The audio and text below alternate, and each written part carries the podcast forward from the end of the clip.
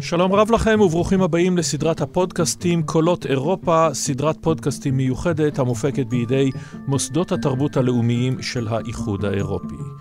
חלק מהמפגשים יתקיימו בעברית, כמו מפגש הפתיחה הזה, וחלק באנגלית. במפגש הראשון, אורחיי הם פרופסור שרון פרדו, שלום לך שרון. שלום לך אורן.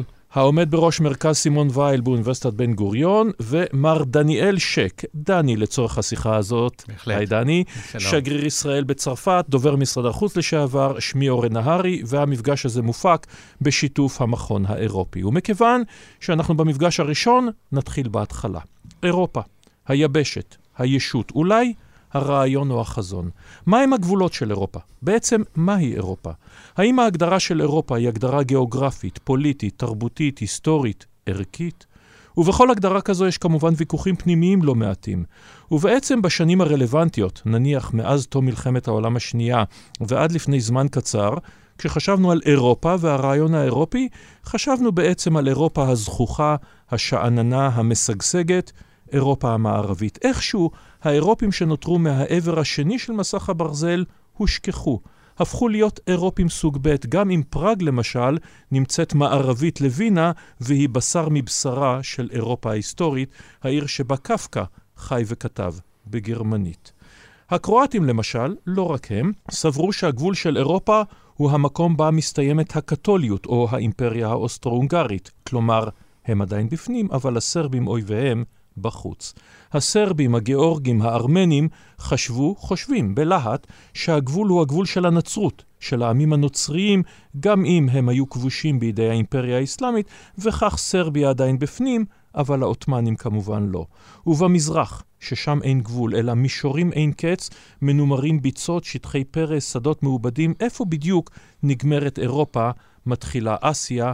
מכאן אנחנו רוצים לעבור אל הנושא עצמו, ונתחיל איתך, שרון. הייתה אירופה. היו ערכים אירופיים של פעם, יש ערכים אירופיים של היום. אירופה של הנצרות, אירופה הלבנה, אירופה של האימפריות הרב-לאומיות של המאה ה-19, עם קייזרים וצארים ובורגנות גבוהה ופאות לחיים, ואירופה הזאת התאבדה. בשתי מלחמות עולם. מה, מה נשאר ממנה בעצם? אני חושב שדבר ראשון, מה שנותר מאירופה, זו הצהרה של ערכים. והיום אירופה עבורי היא מעל הכל קהילה של ערכים, בעקבות היותה בעברה רוצחת סדרתית. ואני חושב שהערכים שעומדים כיום בליבה של אירופה הם ערכים כמו שלום, ערכים כמו חירות, דמוקרטיה, שלטון החוק, כיבוד זכויות אדם, וכן, גם סולידריות שממנה אנחנו רואים שאירופה קצת חסרה בשנים האחרונות. אבל מעל הכל, אירופה היא לא רק הצהרה גיאוגרפית. עכשיו, דני, אני רוצה לשאול אותך, בהמשך לדברים שאמר שרון, מה שהוא אומר בעצם, זה במידה רבה מאוד, זה מורשת המהפכה הצרפתית. כן, קודם כל אני צריך להגיד שלהגדיר את uh, גבולות אירופה זו השאלה השנייה הכי קשה שנתקלתי בה בקריירה שלי. השאלה הראשונה זה מהו יהודי. זה בערך קשה באותה מידה, וג... והתשובה גם גמישה באותה מידה. אימא שלי נהגה לומר שמי שמספיק טיפש להרגיש יהודי, צריך לתת לו להיות יהודי. אז זה אותו דבר גם עם אירופה. הגבולות של אירופה היו שונים בתקופות שונות ומשונות. כן, ערכי המהפכה הצרפתית, בהחלט. האם זה בדיוק ערכים של שלום ושל זכויות לכל? לא בדיוק. באיזשהו מקום זה נקודת תפר, כי המורשת הוותיקה, העתיקה יותר של אירופה, היא מורשת לוחמנית, כוחנית, מיסיונרית, כל מה שאתה רוצה, שתלטנית. ובוא לא נשכח שגם אחרי המהפכה הצרפתית, אירופה נכנסת לשיא התקופה הקולוניאלית כן, והאימפריאליזם. בדיוק. אז זה נכון שזה הציב את היסודות למה שאנחנו היום מכנים ערכי הנאורות, ערכי הדמוקרטיה, דברים כאלה, וזה אמיתי, אבל זה לא קרה מיד. המהפך של המהפכה הצרפתית הוא בכל זאת גדול. זה לקח עשרות, אם לא מאות שנים להשתרש, אבל אני חושב שזה בכל זאת נקודת מפנה בהיסטוריה של אירופה, בעיקר במובנים של מלחמת המעמדות, של עליית מעמדם של הבורגנים, ירידת קרנה של הכנסייה, כל מיני דברים כאלה שאחר כך הפכו את אירופה למה שהיא היום. אבל בסופו של דבר, האיחוד האירופי של היום, נכון, שואב מערכי המהפכה והנצרות ואירופה של פעם, אפשר ללכת לשרלמן ולאימפריה הרומית ולמה לא, בסוף בסוף זו מלחמת העולם השנייה. בסוף אנחנו מדברים על השבר האדיר הזה, שמשכנע אותם בלית ברירה, כן, ביתרונות שיתוף הפעולה, אבל צריך לומר, לא ב super state. שומרים על הגבולות האלה. ללא כל ספק, ואני חושב שאחד הטריגרים לשיחה שלנו, אותו ספר שאפילו נתתי לכם עותק ממנו, למען אירופה, של סדרת הספרים שאנחנו במרכז האירופי של אוניברסיטת בן גוריון השקנו ביחד עם המכון הצרפתי, וזהו המסמך המכונן של פרויקט האינטגרציה האירופית. אחת הטעויות הקלאסיות, לצערי, שאנחנו שומעים עד ימינו אנו, שלאבות המכוננים היו אספירציות פדרטיביות בלבד. האבות המכוננים בהחלט שקלו את אפשרות הפדרציה העל-לאומית האירופית, אבל הם ידעו שזהו יעד ארוך טווח. הם היו הרבה יותר ריאליסטיים ממה שאנחנו נוטים לחשוב. ואני חושב שהעניין של מדינת על הוא נושא שבסופו של יום היה אך ורק לתקופות קצרות מאוד על הפרק. Mm-hmm. למרבית מדינות האיחוד האירופי אין עניין במדינת על. לאבות המכוננים אין ספק, הנושא עמד בראשיהם והם דנו באופציה הזאת.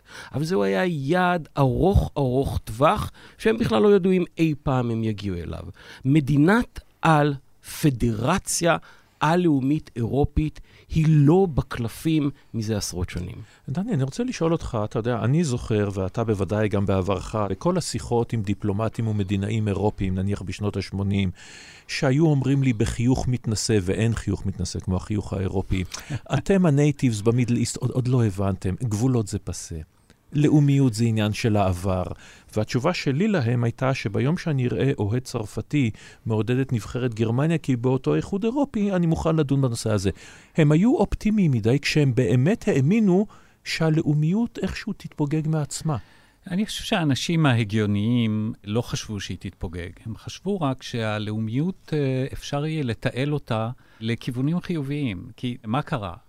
הרי אתה אומר בצדק שהאיחוד האירופי נולד בעקבות ההלם הנורא של מלחמת העולם השנייה, אבל עשרות בודדות של שנים קודם לכן היה הלם לא הרבה פחות יותר קטן בעקבות מלחמת העולם הראשונה. בוודאי, שהיא מוטטה בעצם את האימפריות הוותיקות. נכון, והיא... אותו אירוע דומה עם תוצר מאוד מאוד שונה, ויכול להיות שרובר שומן ואחרים הסתכלו אחורה וראו אירופה שאחרי מלחמת העולם הראשונה, להפך, מחזקת את הלאומיות, את הלאומנות, את התחרות בין אחד לשני, ואת הסייקל הזה, את המחזוריות הזאת, הם רצו לשבור mm-hmm. על ידי תחילתו של שיתוף פעולה. אני לחלוטין מסכים עם פרופסור פרדו, שהמוטיבציה הראשונית לא הייתה לפדרציה, ולימים עד עצם היום הזה, האנשים ההגונים שמנווטים את אירופה לא הולכים לכיוון ארצות הברית של אירופה. זה לא על הפרק.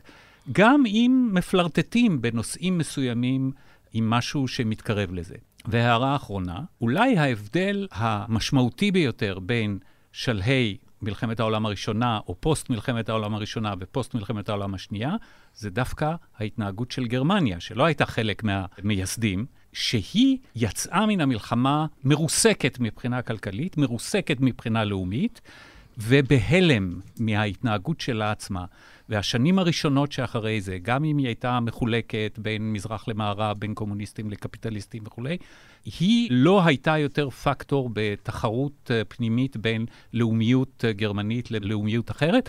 תחרות שהכתיבה הרבה מאוד אה, אפיזודות בהיסטוריה של היבשת הזאת, גם הרבה הרבה לפני מלחמות העולם. טוב, לגבי גרמניה, כמובן, אתה יודע, כאשר הדגל האדום מונף על הרייכסטאג, אתה די מבין שאתה נוצחת במלחמה. וצריך uh, כיוון אחר, וגם היא קיבלה אמנזיה מאוד נוחה במהלך השנים, ודאי השנים הראשונות. אורן, אני רוצה להצטרף לדברים של השגריר שק, במיוחד בכל הנושא לנאיביות. נאיביות לא הייתה שם.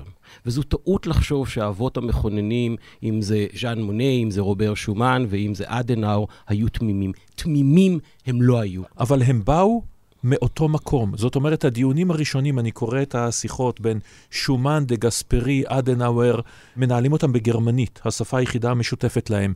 הם נולדו בערך באותה תקופה, הם ראו את אירופה שלהם מתרסקת, הם באו מהפריפריה, הם כולם נוצרים דמוקרטים. הייתה להם סיבה לחשוב שיש פה איזשהו מפגש אינטרסים וזהויות. אבל אירופה... של היום זה לא אירופה של השש של אז. אני חושב שנגעת בדיוק בנקודה של הנוצרים לבנים, והיא קריטית להבנה. הפרויקט הזה הוא הצהרה נוצרית דמוקרטית לבנה.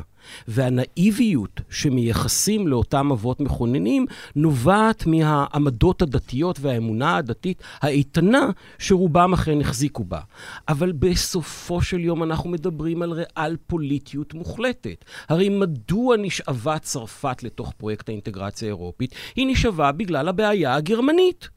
זוהי הסיבה שבסופו של יום היא נאלצה להציע הצעה שיתופית בכדי להחזיק בשדות הפחם והפלדה הגרמנים. והלחץ האמריקני, ו... תוכנית מרשל וכולי. הלחץ האמריקאי הוא סיפור נפרד, אבל כאשר היום אנחנו קוראים את כתביהם של האבות המכוננים, אנחנו רואים שללא ספק האמונה הנוצרית הדתית במשפחה האירופית, בסולידריות האירופית, ברור שהעובדה שהם באים מאותם אזורים פרובינציאליים של אירופה משמעותית ביותר. העובדה שאדם כמו רובר שומן, הרי שפת אמו היא גרמנית. אלזס לוריין. גרמנית ולצבורגית. אלה הן שפות אמו. הרי הוא נפגש ושוחח, כפי שאתה אומר, עם כולם בשפה הגרמנית. עד הרי ליומו האחרון גיחכו עליו על המבטא הצרפתי המוזר שיש לו.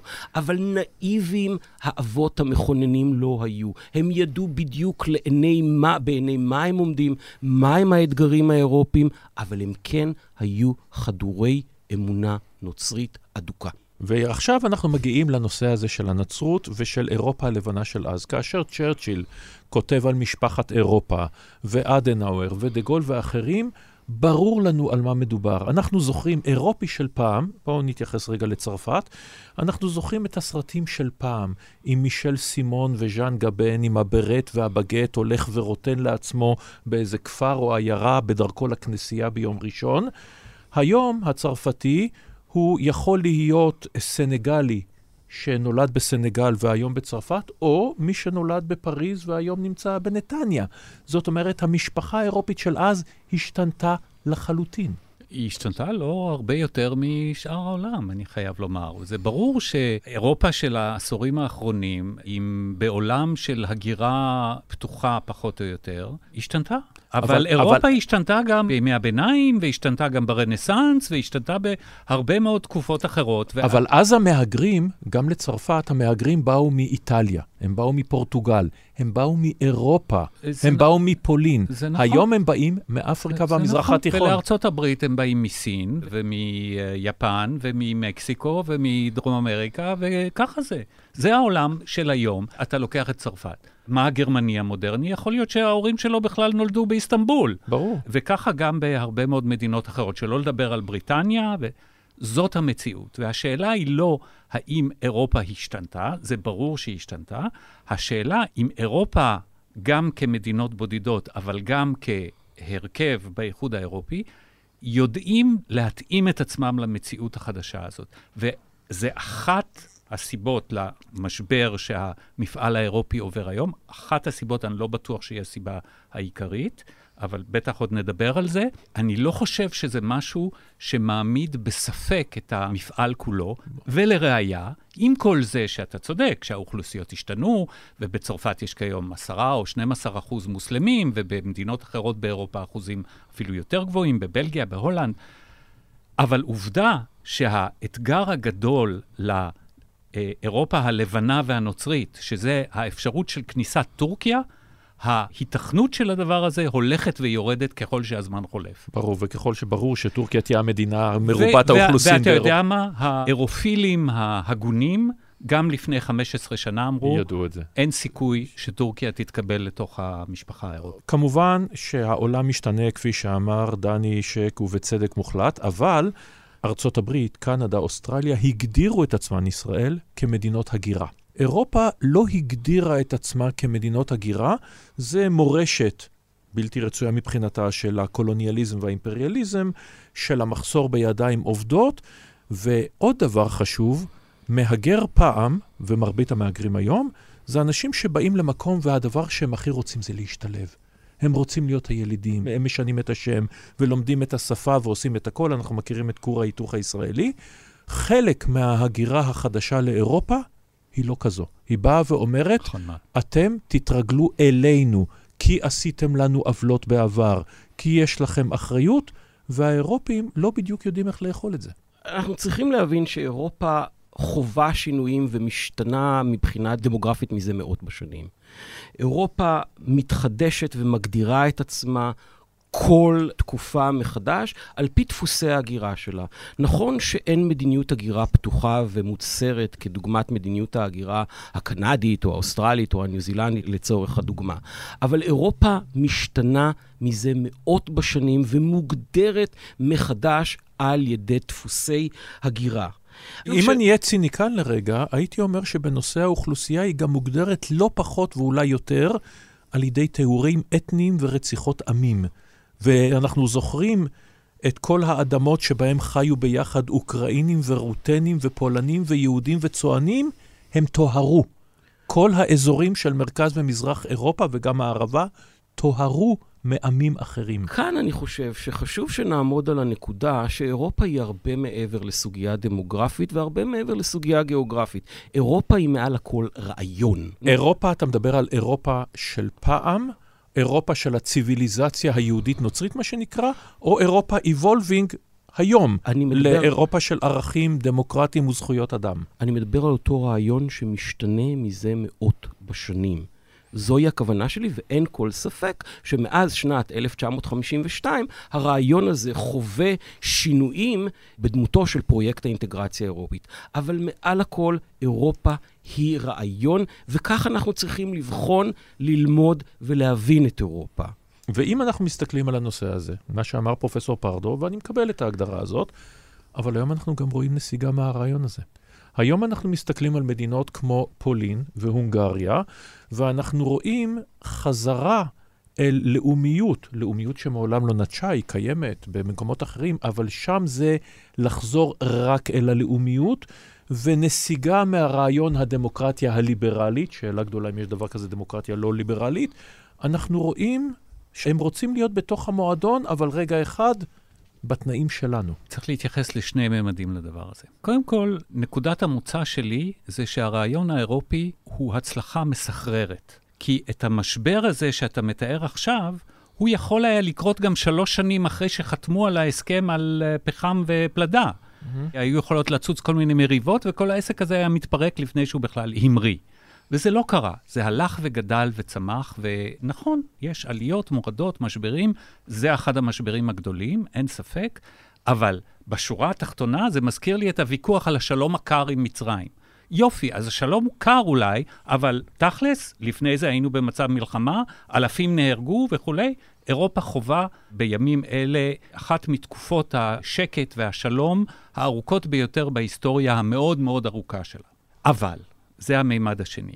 יש פה תשלום, קצת באיחור, על משהו שהוא לדעתי החטא, לא הקדמון, אבל אולי החטא המרכזי בהתפתחות של אירופה, וזה הגרידיות בשלב מהיר ככל האפשר, לבלוע את כל מדינות שהיו מאחורי מסך הברזל, להכניס אותן באחת, עשר מדינות במכה נבלעו ב-2004, נבלעו לתוך האיחוד האירופי, כולן מדינות נכשלות מבחינה כלכלית, זאת אומרת שהיו צריכות תמיכה.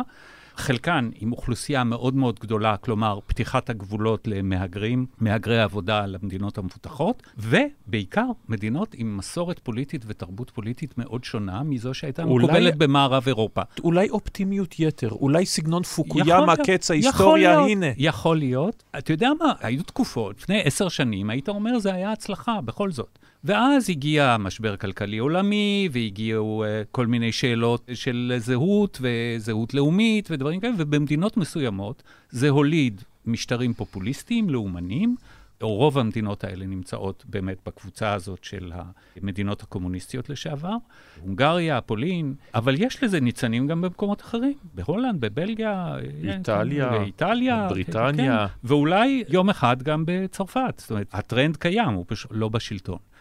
לפי דעתי זה משבר, ולפי דעתי, יעברו את המשבר. אני לא חושב שהרעיון האירופי או האיחוד האירופי בפני התפרקות. יכול להיות שתהיה נסיגה בתחומים מסוימים שקצת קפצו מהר מדי על שיתופי פעולה יותר מדי נועזים. אז אני רוצה לשאול אותך, פרופסור פרדו, בהמשך לזה, בואו ניכנס רגע לניהול. אתה יודע, אנחנו מדברים פה על אידאות, זה יפה מאוד, נהדר והכול. לא ניכנס פה לכל החטאים הידועים של נושא החקלאות והפרוטקציוניזם וכולי וכולי. מועדון שאתה מנהל אותו עם שש חברות, שלוש גדולות, שלוש קטנות, כשהוא מועדון מאוד מאוד קטן, מאוד מאוד הומוגני, הוא לא כמו מועדון של 28 או 27 לכל צורך פרקטי מדינות, שהן ממזרח עד מערב, מצפון עד דרום, מעשירות עד עניות. אתה לא יכול לנהל את זה, אולי. אני חושב שאירופה, כפי שאמר לנו בזמנו רובר שומן בהצהרת שומן מהתשעה במאי 1950, היא לא תיבנה בבת אחת לפי תוכנית כללית אחת. אירופה משתנה לנגד עינינו כל העת. הטענה שמופגנת כלפי אירופה, שמדובר במועדון של שש שגדל כל כך עד ל-28 מדינות, היא לטעמי שגויה לחלוטין, משום שהמועדון הזה שינה את הכללים בכל הרחבה. משום שנושאי חוץ פתאום הופכים להיות נושאי פנים. ולומר שעדיין המערכת הזאת, המוסדית, פועלת במבנה שתואם שש מדינות, אני חושב שהיא שגויה לחלוטין.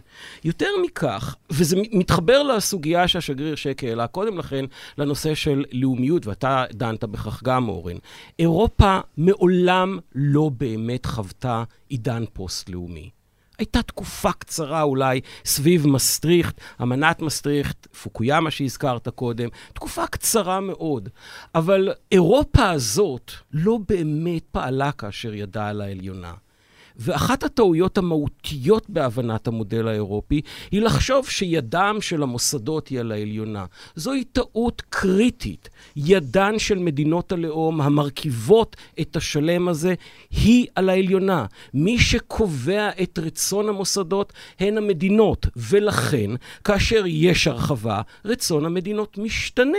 כאשר יש הרחבה, מועדון השש הופך למועדון השמונה, או התשע, או היום העשרים ושבע. כך שהכללים משתנים ומוגדרים מחדש עם כל הרחבה וכל שינוי שהמוסדות לצורך העניין חווים. דני, אני רוצה לשאול אותך, כדיפלומט ותיק שראה את העולם כולו, הייתה איזושהי תחושה שלפחות הם ניסו לתת שהמודל האירופי נקרא לכך, או המודל הגלובליסטי שהולך עם, עם קפיטליזם דמוקרטי ודבוס וכל שאר הדברים, הוא תקף לכל העולם. והיום, או כבר כמה שנים מאז הברקסיט, אנחנו רואים את ה-Backlash. אנחנו רואים את הברקסיט, אנחנו רואים את טראמפ, אנחנו רואים את הקולות באירופה, אנחנו רואים את זה בשאר העולם, אז יכול להיות שהמודל הזה לא תקף לכל העולם, ויכול להיות שוב שהוא לא יהיה תקף מתישהו גם לאירופה עצמה? אני חוזר רגע למה שגם אתה וגם אה, שרון אמרתם קודם, שאירופה היא בראש ובראשונה מועדון של רעיון ושל ערכים. זה ברור שהערכים האלה, אם אתה מסתכל סביב העולם, נמצאים בסימן שאלה גדול. הדמוקרטיה כשיטה פוליטית, הליברליזם, ההכלה, זכויות האדם, דברים כאלה, הם רחוקים מלהיות מובנים מאליהם. ואם בעבר, או אפילו בשנים האחרונות, אירופה התמודדה מול uh, אתגרים לערכים האלה כלפי חוץ, כיום היא צריכה להתמודד עם זה גם מבפנים. זאת אומרת, יש מדינות בתוך האיחוד האירופי שקוראות תיגר על הערכים האלה. ראה, אורבן או, או אנשים כאלה. אם אתה מסתכל על התגובה של המוסדות האירופיים, הם לא בדיוק יודעים איך להתמודד עם זה, כי בתוך המערכת הזאת של הניהול הפנימי, ששרון הזכיר, ובצדק אמר שהיא הולכת ומשתכללת עם השנים, אין בעצם סעיף שאומר איך מסתדרים עם בן סורר, או יש כל מיני דברים כאלה, אפשר, יש תהליכים להוציא אנשים, אבל זה דברים שנכתבו בתקנון בהנחה שלא יצטרכו להשתמש בהם. אז פה השאלה, שאלה גדולה, שהיא לא רק שאלה אירופית, כמה זמן המשבר הזה ייקח? האם הוא יסתיים בסוף הדמוקרטיה? יכול לקרות. יכול להיות שדמוקרטיות יהפכו לאיים בודדים בעולם עם שיטות אה, משטר יותר אה, כוחניות. תסתכל על הדמוקרטיה הגדולה בעולם, לא הגדולה הפיזית, כן. אבל הגדולה בכוחה בעולם. קשה לומר שהיא מודל נפלא לחיקוי בשנים האחרונות uh, כנציגה של השיטה. וכמובן, יש מתקפה גדולה על עצם הרעיון הדמוקרטי בחסות החבר כן. פוטין. זוהי הבעיה המרכזית של המודל הליברלי האירופי. הוא לא יודע להתמודד עם משטרים אוטוריטריים, עם משטרים לא דמוקרטיים. תוך אירופה או מחוצה לה? גם וגם. ולשם כך, אגב, מחוצה לאירופה, המענה היה ארצות הברית במהלך המלחמה הקרה, שהיא נתנה את מטריית ההגנה כנגד המשטרים הלא דמוקרטיים וכנגד הגוש הסובייטי. ואני חושב שזוהי הבעיה המרכזית שאירופה ובכלל מדינות המערב הליברליות לא יודעות היום להתמודד עם המודל האוטוריטרי. מתי הגיעה העת להרים את החרב כאשר משטר אוטוריטרי תוקף את מערכות הסייבר שלך? זו שאלה גדולה, ואנחנו נזכיר גם בהקשר הזה, שכשהייתה מלחמה בליבה של אירופה הגיאוגרפית, יוגוסלביה 92, מי שסיים אותה זה לא היה האיחוד האירופי, זה היה ברית נאט"ו, כלומר ארצות הברית, ספציפית. באקט בלתי חוקי על פי עקרונות המשפט הבינלאומי. יפה, שאירופה מצהירה עליהם פעם אחר פעם. אז אני רוצה להמשיך לשאול אותך, שרון, בהקשר הזה, התמודדות ערכית. עם שאר העולם במקרה הזה. אפשר ללכת להנטינגטון אם רוצים, לא ממש צריך, אבל הנושא הזה של כיצד האיחוד האירופי, כחלק מהמערב, והיום יש שאלה גדולה, האיחוד האירופי מול ארצות הברית, ארצות הברית של טראמפ, לא בהכרח של ביידן, איך הוא מתמודד מול האגרסיביות הרוסית, מול האגרסיביות הסינית, מול משטרים אחרים שמפעילים uh, סחטנות. טורקיה למשל, אירופה שכחה או השכיחה איך לעמוד על שלה, איך להילחם. כלומר, שללו את המלחמה, אבל בדיפלומטיה לבדה זה לא מספיק. אני חושב שאתה מכניס אותנו לדיון על סוגי העוצמות ביחסים הבינלאומיים. וכמובן שאנחנו כאן, במחוזותינו, מכירים היטב את העוצמה הקשה שעליה ללא כל ספק מדינת ישראל נסמכת. יחד עם זאת, דיון העוצמות הוא דיון שמעסיק את אירופה, אגב, מאז שנות ה-20 של המאה ה-20. האם אירופה היא הצהרה של עוצמה קשה, או שהיא עוצמה אחרת? בשנות ה-70, אחד מיועציו הקודמים של ז'אן מונה, הגדיר את אירופה כעוצמה... עוצמה אזרחית. פרנסואה דושן, אירופה תהיה העוצמה האזרחית הראשונה. עכשיו, למה היא תהיה העוצמה האזרחית הראשונה? כי אין לה עוצמה אחרת. וזוהי אולי אחת הסיבות המרכזיות שמאוחר יותר אנחנו רואים את הדיון הזה מתפתח לאירופה כעוצמה נורמטיבית. עכשיו, מהי אותה עוצמה נורמטיבית? עוצמה נורמטיבית הוא אותו סט ערכים שהזכרנו קודם לכן, שעליו מושתת פרויקט האינטגרציה האירופית.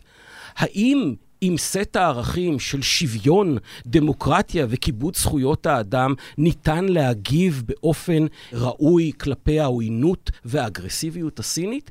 כנראה שלא. וכאן אנחנו ראינו שאירופה החלה להגיב בעוצמה האחרת שעומדת לרשותה, הלוא היא העוצמה הכלכלית. אנחנו עוסקים בשחקן המרכזי בעולם הסחר הבינלאומי, ואנחנו רואים את אירופה מגיבה באגרסיביות רבה כלפי הפרות של זכויות אדם, כאשר זה מעניין אותה לפעול כך, אל מול ההפרות האלה בכלים הכלכליים. ראו את המקרה הישראלי, ראו את המקרה האיראני, ראו את המקרה הסיני לתקופות מסוימות, הצפון קוריאני. השאלה היא כמובן, האם הכלים הכלכליים שעומדים לרשותה, או מהו המנוע שמניע את הכלים הללו. ולקראת סיום, אני רוצה לשאול אותך, שגריר, שננסה להסתכל קדימה כמה שנים. אנחנו יודעים שיותר מזה אי אפשר בכלל. לאיזה כיוון אתה רואה את אירופה, ואולי גם את הרעיון האירופי מתקדם? אנחנו רואים את המתחים המובנים בין זכויות פרט לבין ביטחון קולקטיבי. אנחנו חושבים ישראלים בראש ובראשונה על טרור, אבל כמובן משבר הקורונה זה גם דוגמה טובה. כן. אנחנו רואים שגם במשבר הקורונה פתאום נזכרו צרפת ואחרות שעניי עירך קודמים, והלאומיות שוב הרימה ראש. האם אבל אנחנו נראה שבתום המשברים האלה, אירופה, אני לא יודע אם מתחזקת, אבל לפחות נשארת כגוף מאוחד עם ערכים מאוחדים? אני מאמין שכן. דווקא הקורונה זה דוגמה מצוינת להראות גם את העוצמה של השיתוף פעולה הזה וגם את מגבלותיו. זאת אומרת, נפל מהיום למחר, פחות או יותר, משבר בסדר גודל קוסמי, כמו הקורונה, ומיד ראית איך זה מתפצל. יש תחומים, כמו למשל הטיפול המיידי במגפה, כן סגר, לא סגר, חלוקת מסכות, לא חלוקת מסכות, טיפול רפואי, הצטיידות בציוד רפואי, כל זה נעשה מדינה-מדינה, כל אחת לעצמה. אבל ברגע שהגיעו לשאלות של איך מנסים לצאת מהמשבר הכלכלי. הנה, מגיע המושיע הגדול, האיחוד האירופי, שבנוסף למשרדי האוצר האינדיבידואליים של כל מדינה, מגבש חבילות סיוע, מגבש חבילות חילוץ. מזל ש... גדול שבריטניה לא הייתה בישיבות האלה, כי זה היה נכון. מופל. בנושא של אה, חיסונים, חוזר שיתוף פעולה בתחומי בריאות. אגב, זה מעניין, כל המדינות האלה, ש... המנהיגים האלה שנבחרו בחלקם על ticket של נגד האיחוד האירופי ונגד בריסל ונגד ה deep state של בריסל והאיחוד האירופי וזה, אף אחד מהם לא באמת מקדם איזה אג'נדה של לעזוב את האיחוד האירופי. זאת אומרת, זה לא איטליה, לא פולין, לא הונגריה, אף אחד מהם לא מגיע לנקודה הזאת. אף על פי שכבר יש תקדים, שיש מדינה שעזבה, בהצלחה שאפשר להתווכח עליה, אני חושב שכרגע אין אף אחד שרוצה לשבור את הכלים. ומרגע שאתה לא רוצה לשבור את הכלים, אני חושב שבצאתנו ממשבר הקורונה, ובמידה מסוימת ממשבר הזהות, תהיה אולי רפורמה, רפורמה זה מושג של ללכת קדימה, הרפורמה הזאת היא אולי תהיה דווקא ללכת קצת אחורה, טיפה להגביל חלק מהתחומים שבהם שיתוף הפעולה הוא מוחלט, mm-hmm. ולהתרכז במה שמועיל לכולם וקצת פחות קונטרוברסלי. ואני אשאל גם אותך לסיום, הפרופסור שרון פרדו, בעצם את אותה שאלה. אנחנו הדור שזוכר את מלחמת העולם השנייה ומוראותיה כבר איננו עוד. והדור שמקדם בפליאה את השגשוג האירופי, כי הוא זוכר מה היה קודם, הולך ונגמר. האירופים החדשים, המהגרים, ה millennials, עם סדרי העדיפויות שלהם, יהיו מחויבים באותה מידה לרעיון האירופי? אני חושב שכן, ואני הרבה הרבה יותר מעודד. אם uh, השגריר שק הזכיר קודם לכן את uh, משבר נגיף קורונה ואת דיפלומטיית המסכות, או דיפלומטיית הציוד הרפואי, בו uh, המדינות פעלו אחת נגד רעותה, כאשר הגיע החיסון, אנחנו רואים שכל המדינות פתאום התאחדו, וכולן רוכשות חיסון במשותף. אני חוזר ואומר, אירופה היא מעל הכל רעיון שמשתנה כל העת ביחד עם השינויים הדמוגרפיים שהיבשת הזאת חובה. אירופה שאנחנו הכרנו, של מדריך לפיד, היא לא אירופה של Lonely Planet. של TripAdvisor. Lonely Planet ו TripAdvisor. תודה רבה לכם על הדברים האלה. תודה לך, פרופסור שרון פרדו, העומד בראש מרכז סימון וייל באוניברסיטת בן גוריון. תודה רבה לך, אורן. תודה לך, מר דניאל שק, לשעבר שגריר ישראל בצרפת, דובר משרד החוץ. תודה גם לך, אורן. אני אורן נהרי, להתראות.